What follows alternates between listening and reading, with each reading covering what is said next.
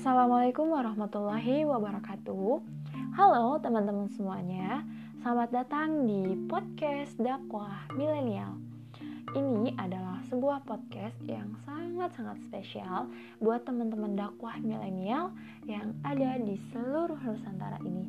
Wah, luas juga ya, seluruh Nusantara. Hmm, mantap nih. Dan saya ucapkan selamat datang juga di podcast pertama saya. Nanti rencananya saya akan lanjut lagi untuk membuat podcast-podcast yang nggak cuma cerita-cerita aja, tapi juga ada sejarah-sejarah, tips-tips tentang dakwah, dan apa pun itu yang berhubungan dengan milenial. Dan tentunya masih banyak lagi. Tapi ya Allah alam ya guys gimana nanti jadinya? Mau lanjut apa enggak? Semoga bisa lanjut ya. Uh, sebelum kita lanjut ke apa sih yang mau kita omongin dalam podcast hari ini ada baiknya kita kenalan dulu. Kan ada pepatah tuh tak kenal maka tak sayang. Eits, ini bukan sembarangan pepatah loh juga terdapat di dalam tafsir surat Al-Hujurat ayat 13. Kalau nggak percaya, coba aja ya dicari kalau sempat. Hmm, mana sempat? Kan sih bu? nggak ya, bercanda. Pasti sempet kok. Saya yakin teman-teman pasti sempet.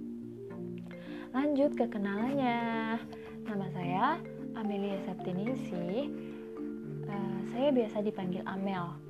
Kalau teman-teman mau manggil dengan nama yang lain kayak misalnya Lia, Septi ataupun nama-nama yang lainnya itu boleh, boleh banget nggak apa-apa.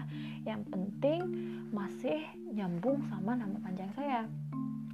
Hmm, kalau dilihat dari namanya, pasti teman-teman tahu kan saya itu orang mana.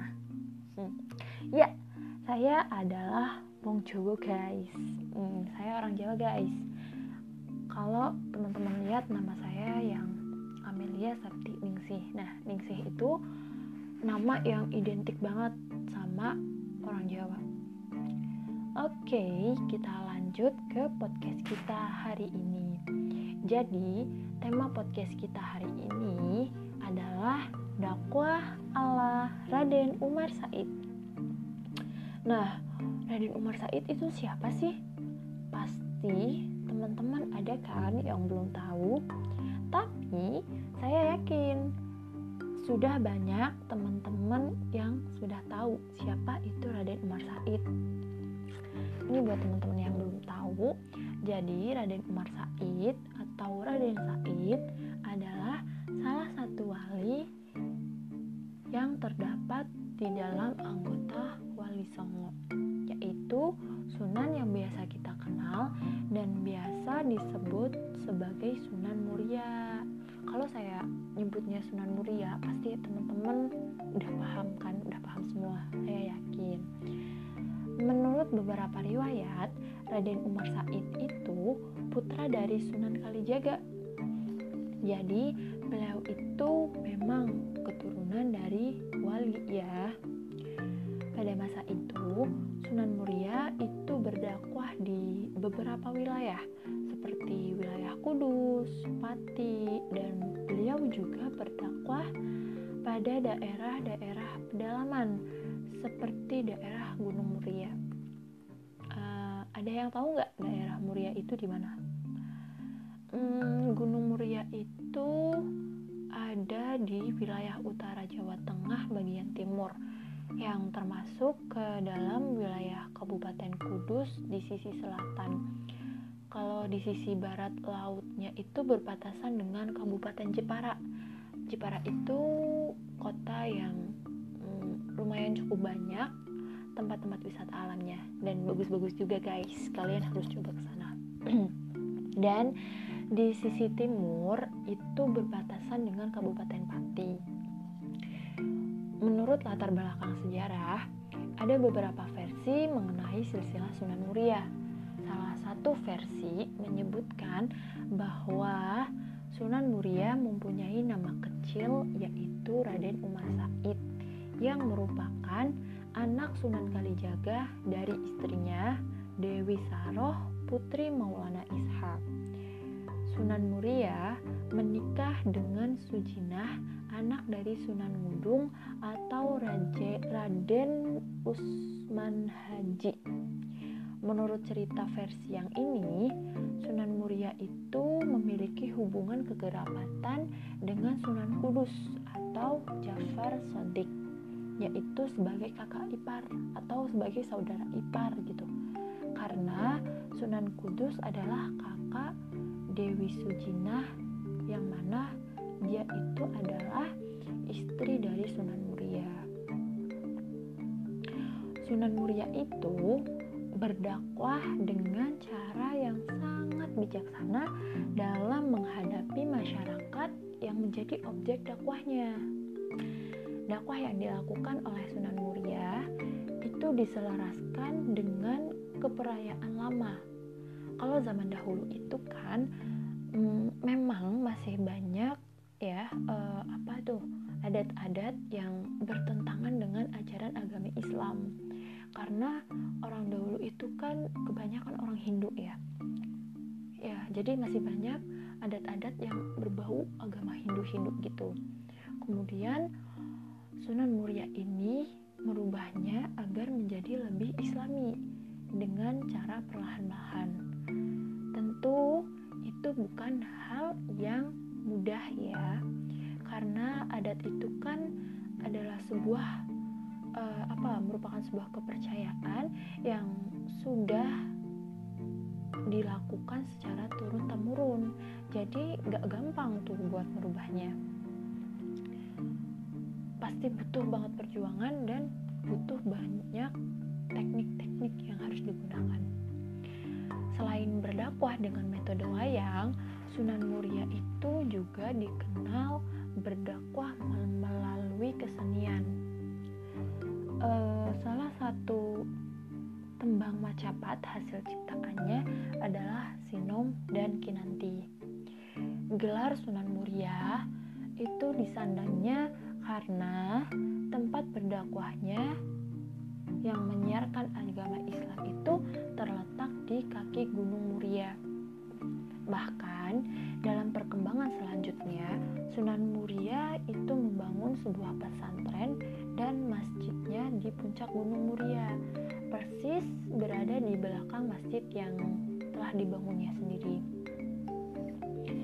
Nah, dari kisah dakwahnya Raden Umar Said tadi, bisa kita pahami ada beberapa metode yang digunakan oleh Raden Umar Said dalam berdakwahnya.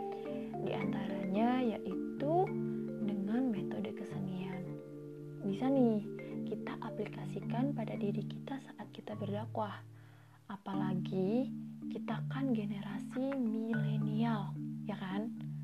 Apa aja harus bisa, apa aja harus ngerti gak boleh ketinggalan zaman harus kreatif harus pinter ini itu wah banyak pokoknya harus-harus yang harus dimiliki generasi milenial salah satunya juga harus bisa mengkolaborasikan berbagai hal seperti contohnya tadi kan ada diceritakan bahwa Raden Umar Said itu juga berdakwah lewat seni musiknya. Nah, bisa nih kita tiru berdakwah ala Raden Said kayak misalnya mengaransemen sebuah lagu yang sedang viral di mana lagu itu kita aransemen menjadi lagu yang lebih berbau islami biasanya kan lagu-lagu yang ada di TikTok itu kan banyak yang suka dan viral-viral. Nah, kita bisa cari tahu dari aplikasi itu lagu apa yang sedang uh, banyak diminati gitu.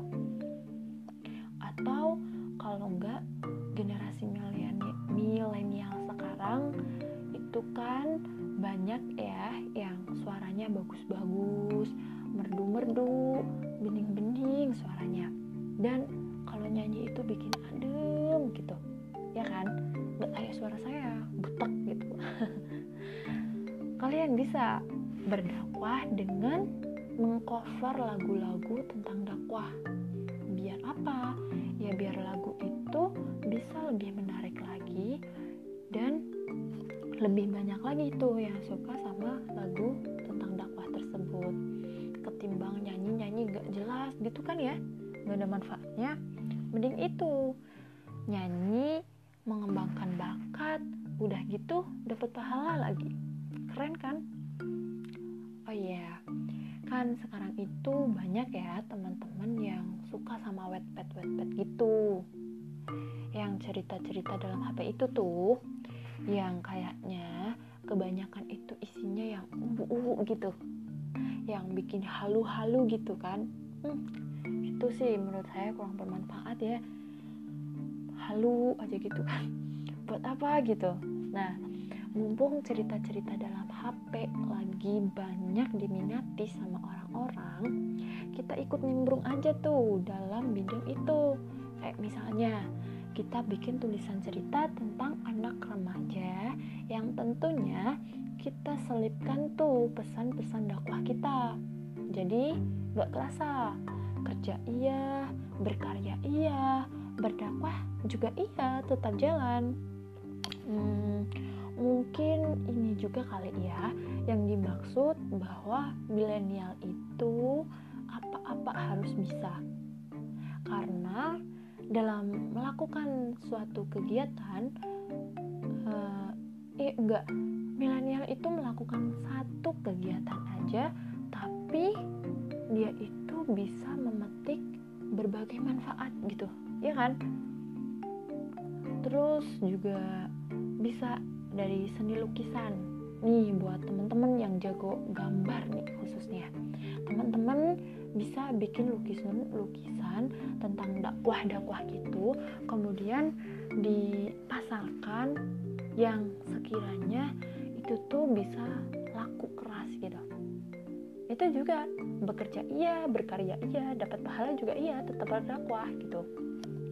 Teman-teman yang jago dalam menggunakan komputer dan jago buat desain-desain gitu bisa kalian sambil usaha sambil berdakwah lewat desain-desain itu.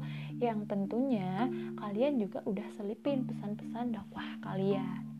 Ya pokoknya banyak lah ya cara-cara berdakwah lewat kesenian yang bisa kita pakai. Nggak cuma yang disebutin tadi aja. Kita harus bisa nih berkolaborasi sama yang ahli dalam seni-seni itu. Apa sih namanya? Uh, masterpiece ya masterpiece. Wah keren banget kan? Itu kalau misal kalian itu bisa berkolaborasi sama mereka. Hmm, mantep banget pokoknya.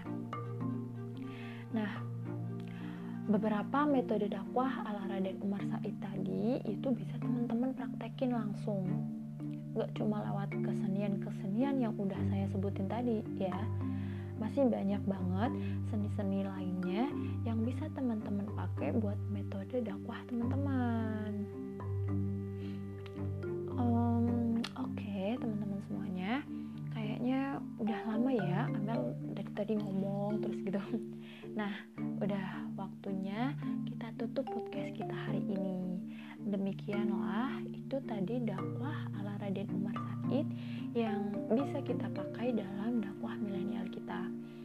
Semoga apa yang saya sampaikan tadi bisa menginspirasi teman-teman milenial semuanya, bisa bermanfaat buat teman-teman semuanya. Amin, amin ya robbal alamin. Jaga kesehatan, tetap semangat dalam berdakwah, cari lebih banyak lagi inspirasi-inspirasi sering-sering mempraktekkan ilmu yang telah teman-teman dapatkan. Semoga kita selalu dimudahkan oleh Allah Subhanahu wa taala dalam berdakwah ya. Amin. Insya Allah kita ketemu lagi di podcast yang selanjutnya. Mohon maaf atas segala kesalahan dan kekurangannya. Wassalamualaikum warahmatullahi wabarakatuh. Semangat teman-teman semuanya. Jangan lupa jaga kesehatan. Semangat untuk berdakwahnya. Semoga selalu diberikan kemudahan oleh Allah Subhanahu wa taala, sukses selalu dan pokoknya doa yang terbaik untuk kita semua. Semoga pandemi ini segera berakhir ya, karena mm, memang pandemi ini uh, banyak merugikan di berbagai bidang. Selamat.